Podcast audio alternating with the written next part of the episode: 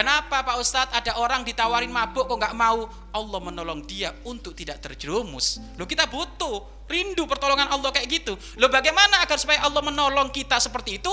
Kita biasa tetap ingat kepada Allah. Allah belajar selalu ingat.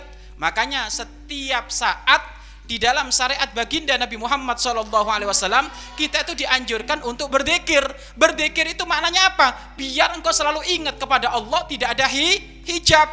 Coba kalau kita setelah selesai makan baca do, doa ingat kepada Allah. Mau makan baca do, doa. Pakai baju baca doa. Ngelepas baju baca do, doa. Di saat dikasih kenikmatan, alhamdulillah, alhamdulillah. Di saat diuji oleh Allah, innalillah wa inna ilaihi rajiun. Bersabar. Kemudian di saat melihat sesuatu yang kagum takjub, subhanallah, subhanallah. Loh, kalimat-kalimat zikir ini tiada lain kecuali apa? Mengasah diri kita untuk senantiasa sambung kepada Allah, ingat kepada Allah.